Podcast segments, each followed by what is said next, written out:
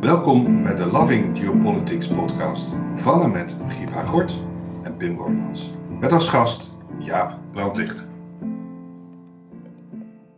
Ik ben Giep Hagort en uh, emeritus hoogleraar kunst en economie aan de Universiteit Utrecht en de Hogeschool voor de Kunsten Utrecht. En sinds uh, een aantal jaren uh, zeer geïnteresseerd in uh, de relatie geopolitiek en Europa.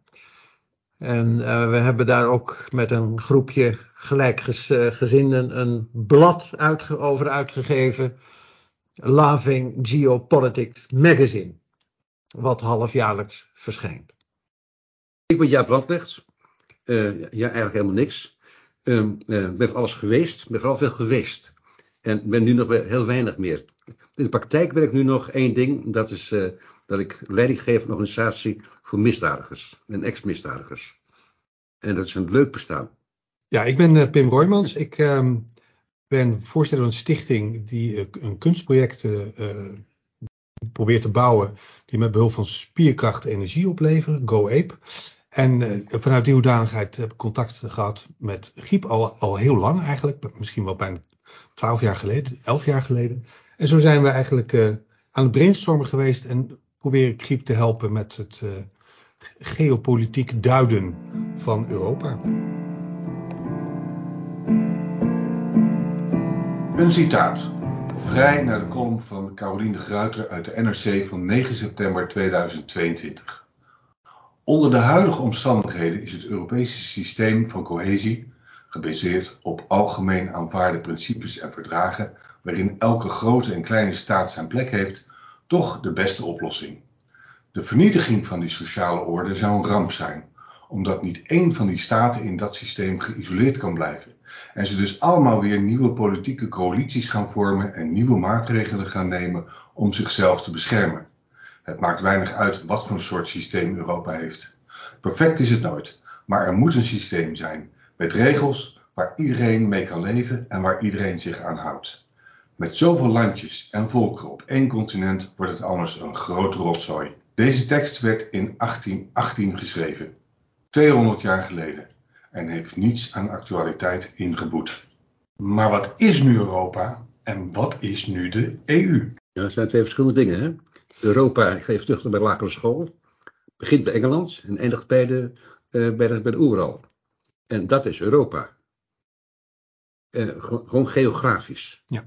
En de EU is iets anders. Dat is een verzameling mensen die, landen die met elkaar een, een, een akkoord gesloten hebben op een aantal punten.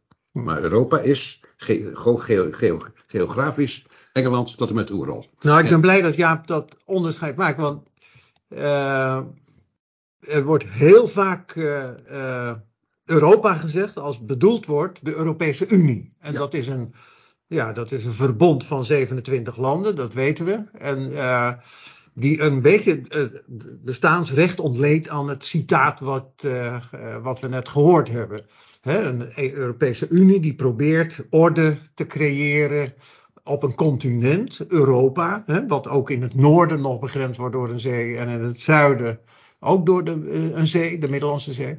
Maar er zit wel een problematische kant aan, aan dat begrip Oeral, want dat, dat ligt in, in ja, Rusland. Ik, ik, bewust. En in de huidige actualiteit uh, zie je dat het een beetje Europa tegen Rusland is. Ja, maar dat is een andere discussie. Wat is Europa? Is het, dit geografisch gebied. Ja, ja en, en, en, ik stap... kunt, je kunt zeggen dat toen wij nog op lagere school zaten, wij, wij samen Giepel, ik ben of even oud, uh, toen leerden wij daar gewoon tot de Oeral en daarna ja. is het om het werkzaam gebied. Ja. Daarna bestaat het bijna niet en dan begint China ongeveer. Dat het veranderd is op dit moment uh, met de politieke verhoudingen, dat is evident waar. Ja, ik stapte over van geografie naar uh, de, de, de, de, de, geopolitiek. Of de, en dan moet ik even uitleggen wat geopolitiek is, maar de, de, het wordt altijd door elkaar gehaald. Dat is mijn stelling. En het is uh, fijn dat we nu gelijk al scherpte kunnen aanbrengen in dat begrip Europa wat geografisch is, maar natuurlijk ook, en daar zullen we het ook zo uh, wel denk ik over hebben, een, een bestuurlijke kant heeft. Ja. En in mijn ogen ook nog een culturele kant. Ja. En geopolitiek is dan hoe je uh, ontwikkelingen, uh, de eenwording van Europa bijvoorbeeld, beziet vanuit geografische posities. Dus van, van heel concreet, hoe zie je Europa vanuit met een Nederlandse bril. Hoe zie je het conflict Oekraïne en Rusland door de, door de, door de geopolitieke bril van je Nederlanders? Zie je Armenië, Azerbeidzjan. Ja. En dat zijn voorbeelden, ja. ja. En waarom is de geopolitiek de laatste tijd zo in de belangstelling gekomen? Omdat steeds meer staten uh, de, de, ontwikkeling, de ontwikkeling van een wereldorde bezien door hun eigen nationale bril. En dat, is, uh, dat, dat kan, en dan gooi ik gelijk iets op tafel, dat kan Europa bedreigen, want dan gaan de betrokkenen terug naar hun eigen land en zeggen, nou, ik wil eigenlijk helemaal niet tot Europa behoren, Brexit. Maar het kan ook. Nou, maar hier, hier wordt dus Europa en de EU door elkaar gehaald. Ja. Je, wat, want als je Brexit heeft met de EU te maken, niet met Europa. Ja, ja, ja. ja, kijk, kijk, Servië is geen EU en is toch Europa. Ja.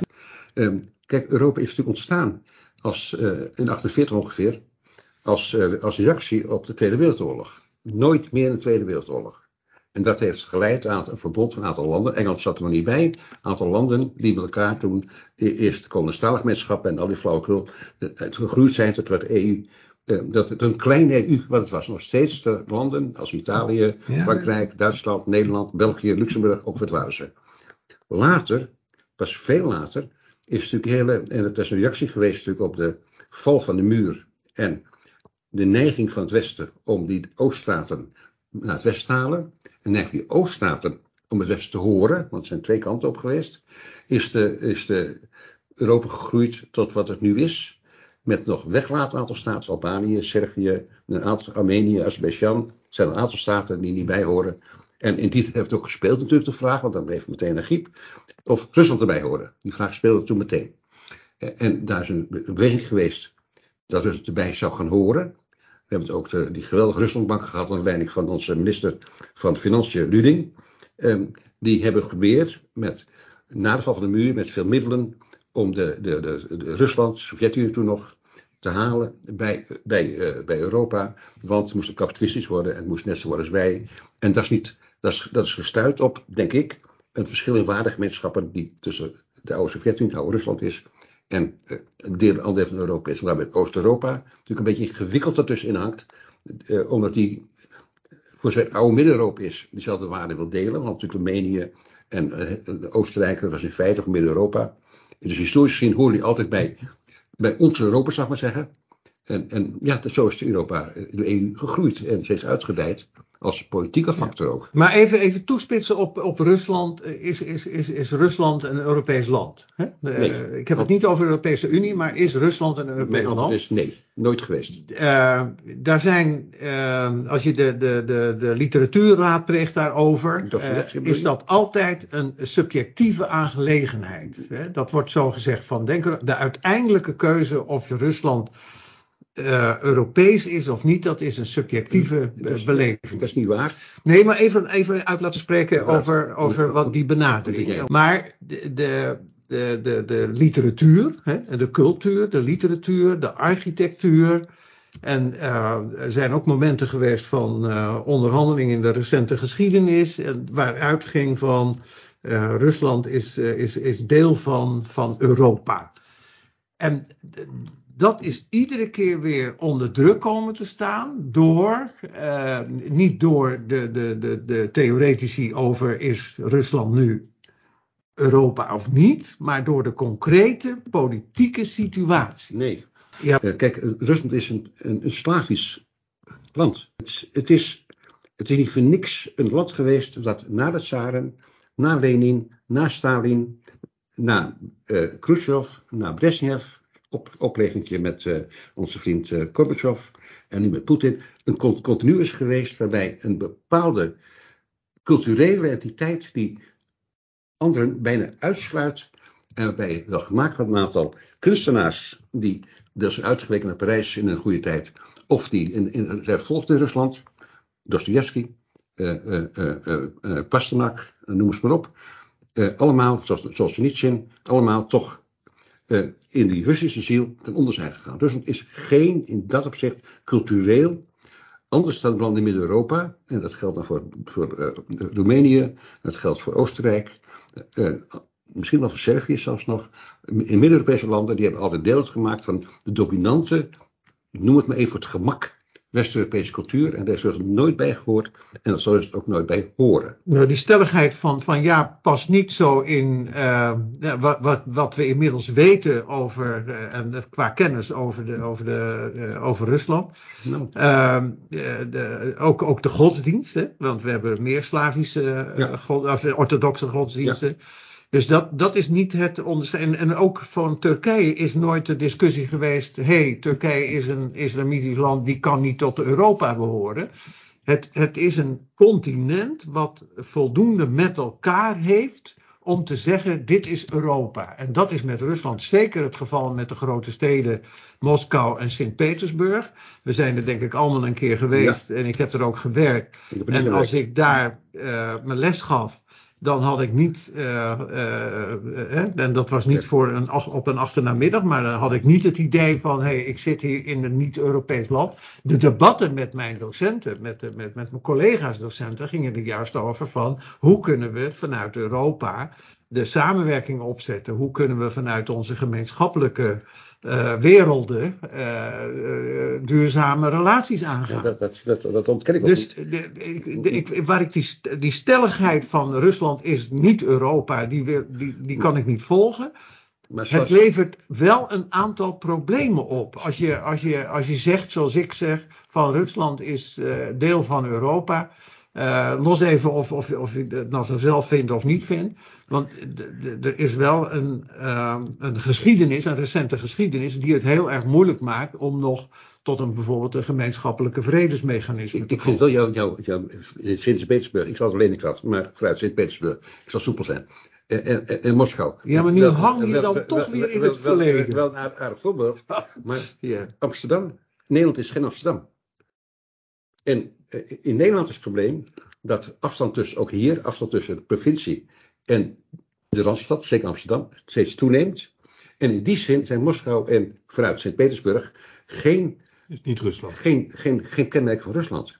Dat zijn plekken in Rusland waar de neiging naar intellectualiteit, neiging naar cultuur, neiging naar westers gedrag, Moskou zeker, Sint-Petersburg minder, uh, uh, aanwezig zijn. En jouw discussie met jouw collega's daar, ook intellectuelen, is geen maat voor de cultuur in Rusland. Dat is echt een vergissing van ons Amsterdammers, ook als we over een achterhoek praten.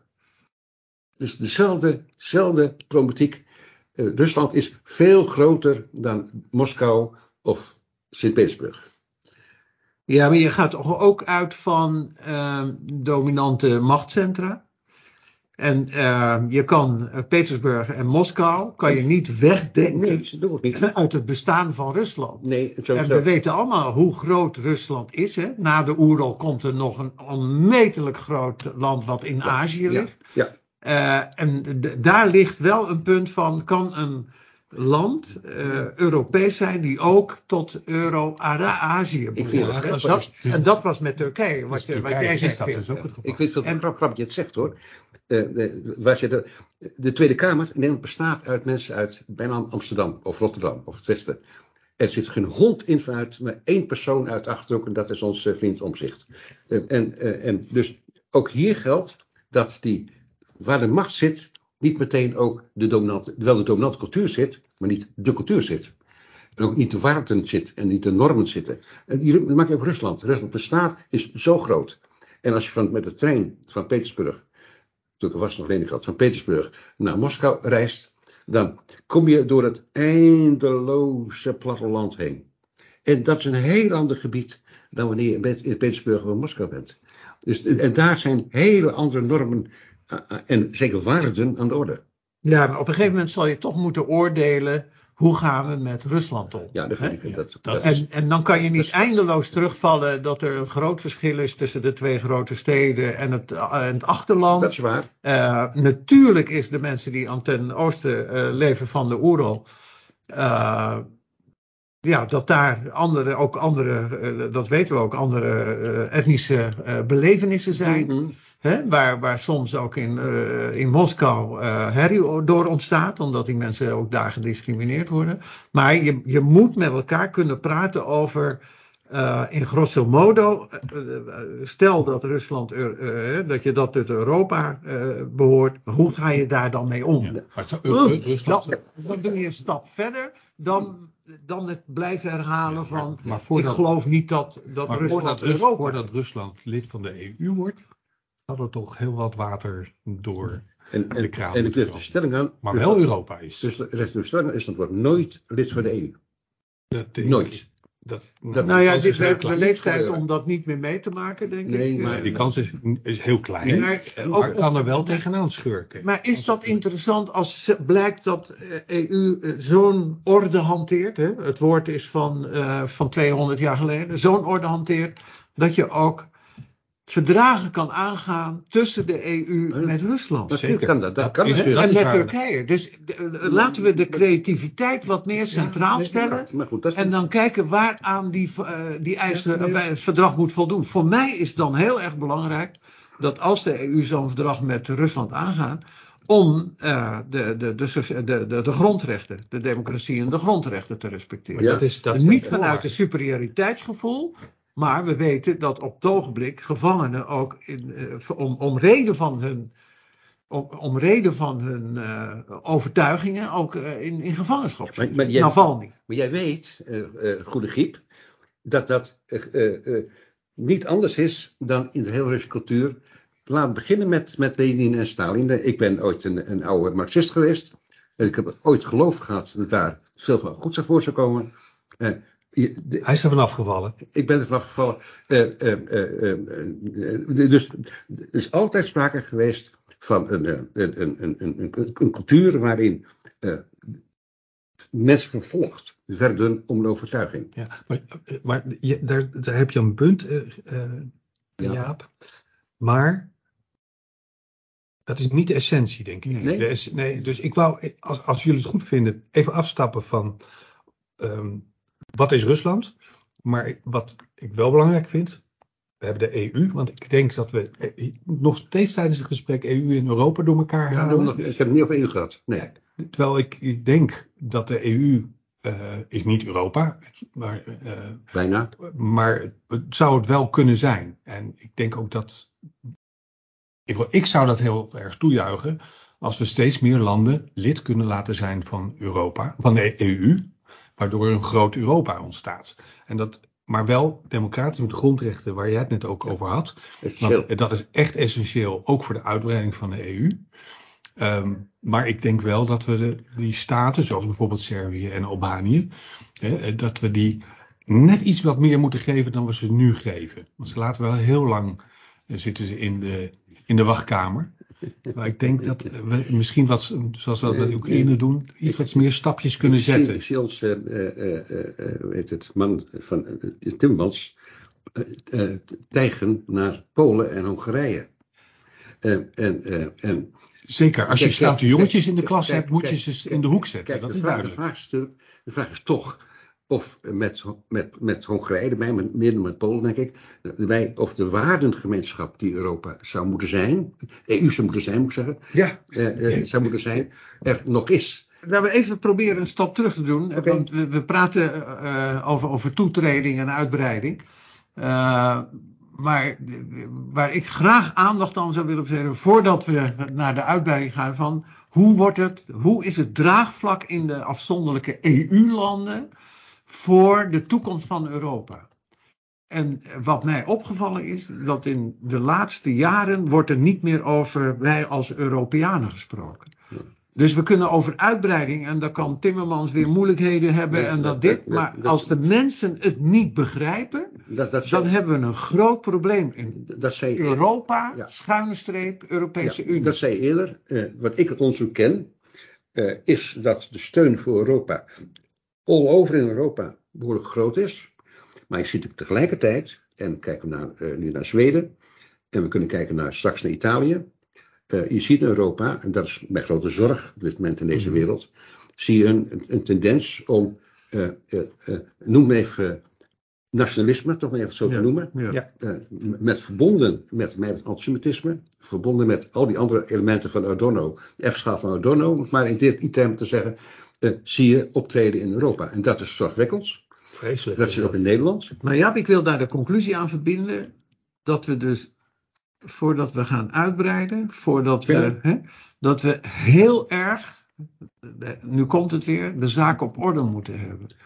Want je kan niet een Europese Unie hebben om voortdurend met Polen te discussiëren over de onafhankelijkheid van de rechtspraak. Maar, maar, Je kan niet een Europese Unie hebben om voortdurend te discussiëren met Hongarije over het respecteren van de rechtsstaat. Dus we, we moeten erkennen dat een aantal landen die misschien heel graag bij de EU willen horen, dat we daar moeten zeggen, we gaan heel nauw met elkaar samenwerken, maar de EU is ons heel veel waard, dat dat de constitutie is van de waardegemeenschap die Europa is. En daar moeten we zorgvuldig mee omgaan. En ik denk ook dat de mensen, de Europeanen, die nu vallen onder de Europese Unie, dit heel goed begrijpen. Je Alleen, we, we zien nu dat er een soort tweedeling is in eh, Europa. Hè? De leden van de Europese Unie en degenen die dat nog niet zijn. maar, maar je kunt ook afvragen of onder druk van politiek realisme Ja, de toetreding van landen als Hongarije en Polen, in mindere mate Roemenië, en Bulgarije krijgt minder zicht op, moet ik eerlijk zeggen, ehm, eh, eh, of die pasten bij de, eh, norm, de, het waardenstelsel dat de EU had, en dat belaagd wordt door de toetreding van landen die om politiek opportunistische reden erbij zijn gehaald. Ja, en, en, en dus, dus nou even maar eh, het, het, het ide- ide- ideale concept en rea- eh, realisme. Realisme is dat, dat Europa een politiek opportunistische samenstel van landen is geworden. En idealiter heb je gelijk. Zou het nog wel eenvoudig moeten zijn, maar dan moeten we de Polen en Hongarije eruit flikkeren. nou kijk, mag ik even reageren? Toen Polen en Hongarije bij de Europese Unie kwamen, waren ze natuurlijk lang zo extreem niet als ze nu zijn geworden. Dus daar moeten we wel even op, waken. Dus op de gronden waarop ze binnen zijn gehaald, passen ze binnen de Europese Unie. Alleen hebben ze een afslag genomen nationaal, die ervoor zorgt dat ze zich verwijderen van de Europese Unie. Ja, maar daar zit, Dat is wel een belangrijk maar detail. Er zit al, al element in. Ja, maar waar zit dat? wa- wa- wa- wa- Wat is dan dat belangrijke detail? Want eh, op een gegeven moment mag een land zich ontwikkelen, niet in rechts, eh, anti, eh, democratische krachten. Maar er is we moeten uitkijken dat we ook een soort zuiverheid in West-Europa hanteren, de West-Europese Unie hanteren. Om vervolgens te zeggen, we flikkeren, eh, hoewel ik het woord gebruikte, ja, Ja, flikkeren, eh, we ja. flikkeren eh, Polen en Hongarije eruit. Ik denk dat het veel meer moet gaan om de kwaliteit van de, dialo Ja, ja, de dat- dialoog. dat- dat- en dat we daar ook gewone burgers bij moeten betrekken. helemaal gelijk. Om in. richting te geven aan politici die niet rechtsextremistisch. Want we hebben ze ook in Nederland. Ja, herinner me, ik, ik zat in Pankow in Oost-Berlijn. In een bus, geloof ik, of in een tram. Ik geloof in een bus. Toen was Oost-Berlijn vrij recent eh, eh, eh, deel van Berlijn geworden. En, en de mensen waren de burgers dus, hè? de burgers, en niet de politici, de burgers in die, in die bus, waren ontzettend ongelukkig met het feit dat ze nu moesten aanpassen aan het kapitalistische eh, systeem. En we moeten het niet vergeten dat we niet, dat we niet Oost-Europa heeft onder de Sovjet-Unie onder een grote druk geleefd. Maar er was wel werkgelegenheid voor iedereen. En er was wel pensioen voor iedereen. En dat is natuurlijk zoek geraakt. En jij wil naar de burgers luisteren. Maar ik vrees de burgers, ook in Polen en Hongarije, zich opheffen met, met het Westen. Die zijn er niet beter van geworden. Als nou toch eh, Marx had gelijk had. Zoeerst komt het fressen en dan die moraal. Eh, dan, eh, en dat heeft Marx volgens mij gelijk in. dan is daar toch wel sprake van. Nee, maar objectief hebben, eh, de Honga- hebben de Hongaren en de Polen wel vooruitgang geboekt. Macro-economisch. Ja. Eh, Macro-economisch. eh, macro-economisch, vrijheid in onderwijs, eh, verschillende maar- vrijheden op andere Maar gebieden. het is allemaal door de politiek, die er, door de politieke elite die er op dit moment is, is het teruggedraaid. De, de, de PIS in, in Polen is natuurlijk zo, is aardsconservatief geworden. Maar dat waren ze niet, hè? Hongarije was niet zo aardsconservatief als ze nu zijn geworden. Dus ze, ze, ze, de, door de politiek en door ook desinformatie worden ze op een verkeerd been gezet. De grote burgers. vrijheidsstrijder uit Polen met zijn naam kwijt. De ja, nee, niet zelfs ervoor. Solidarność. Ja, sorry Die, die, die hebben natuurlijk een tijd lang in Polen de macht gehad. Weg Walenza. Weg Wens, die zocht, ja. tijdje in Polen de macht gehad. Eh, laten we helder zijn, het Poolse volk heeft weggewezen vallen. Mede de kerk, mede dat factoren laten vallen. Het volk heeft in die landen is niet blijer geworden van de verbinding met het kapitalistische Westen, dat voortdurend op, winst uit is. En, en, dat, en dat hebben we over het hoofd gezien, niet willen zien, ook natuurlijk, politiek komt helemaal niet uit, over het hoofd gezien, toen we die landen erbij namen. Maar als waardegemeenschap is de vraag of ze passen. Nee, kijk, dan moet, je, dan moet je teruggaan naar de afspraken die de 27 landen gemaakt hebben met elkaar. hè? Dat is, De- de- de- Dat is politiek. Nee, dat, dat is allemaal via eh, nationale staten ook. Hè. We hebben verdragen gekregen. En Ja. men heeft, en nu zien we dat zeker in de, in de conflict tussen Rusland en de Oekraïne. Dat eh Euro- eh, Europese Unie is gegroeid in samenhorigheid. Ja. Ja. Hè, dat dat Ja, valt niet te ontkennen. Dat zie je ook nu. En, dat is, en dat er nu een voorstel ligt van de Europese Commissie die niet te rijmen valt met de, de bejubelde vrije markteconomie als Ja, het om gaat om, om, om energie. dat dus daar ik- zitten Dat is, dat is een veranderingsmogelijkheden. interessante ontwikkeling. Ja, precies. En daar zitten veranderingsmogelijkheden die we niet, niet moeten wegduwen vanwege ons anti-Europa of anti-EU zijn. we moeten juist dit eh, onder de burgers proclameren, stimuleren dat dit Bespreken. ook Europa is. dat moeten we De Europese bespreken. Unie. Maar wat we nu zien in de Europese Unie. Kijk, er is een laatste boek verschenen over neoliberalisme. Ik weet niet of je het gelezen hebt. In Eh, Nederland. eh, in Nederland, ja. Een goed boek. Geschiedenis van neoliberalisme. En wat je natuurlijk ziet is een zekere kanteling van het meritocratische, neoliberale denken in West-Europa. Godzijdank. En ja, dat kantelt dus ook bij de Europese Unie. Omdat Ja. men ontdekt dat de effecten daarvan, met name voor de, voor de achterblijvers, zou ik maar zeggen, Ja. eh, eh, ontzettend catastrofaal zijn. En dat Europa, de Europese Unie zichzelf serieus neemt in het op, voor, bij het opkomen van deze achtergestelde groepen. Ja. Maar de- ja, er is een algemene. Ik heb net het boek uit over eh, de Partij van de Arbeid, de Sociaaldemocratie. Hoe die in de 80 en 90 jaren zich overgeleverd hebben aan de, aan de vrije markt. ja. En Wim Kok, eh zijn veren we kwijtgeraakt. Dat schudden die af. Het, het, maar het is altijd achter, dat vind ik in dat boek ook, het is altijd achteraf concluderen, dat hadden ze, letterlijk de titel, dit hadden we zo nooit moeten maar, doen. Maar, maar goede griep. Maar als, als we die les nemen, dat betekent het dat we preven, eh, proactief moeten nadenken, in plaats van achteraf moeten vaststellen Maar- maar- maar- maar- dat we te veel vrije markt hebben. Maar goede griep. Eh, als eh, de, de geschiedenis is natuurlijk altijd achteraf, hè? dat kan niet anders, eh, want geschiedenis kun je niet Ja, vooruitschrijven. ja. Ja. En we hebben dus, Jammer. We hebben, we hebben een tijd gehad van Kunnen we dat niet omdraaien? Ja, Zullen we nee. daar nou eens even over? We hebben een tijd Als- gehad, ja, we gaan nou een poging om de geschiedenis om te We draaien. hebben het ook, jij hebt lees voor, een tijd futurologen gehad. Ja. Was zelfs officiële eh, afdeling op de universiteit, futurologie. Ja. Met, met Bart van Steenhoven, als ik me goed herinner. Als Gebroeders ja. En, en, Oh ja, die maakt tekeningen. En, en, en, de, en de Rand Corporation, die schetst allemaal de toekomst van deze wereld. Dat is, zacht gezegd, toch ingewikkeld om dat eh, te schetsen. Dus ja, ik vind het leuk om te bedenken hoe die wereld eruit moet zien. Ik denk dat je, eh, en dan ben ik nog steeds een beetje marxistisch in, denk ik. Ik denk dat de economie voor de moraal uitgaat. Eh, en als mensen het slecht hebben.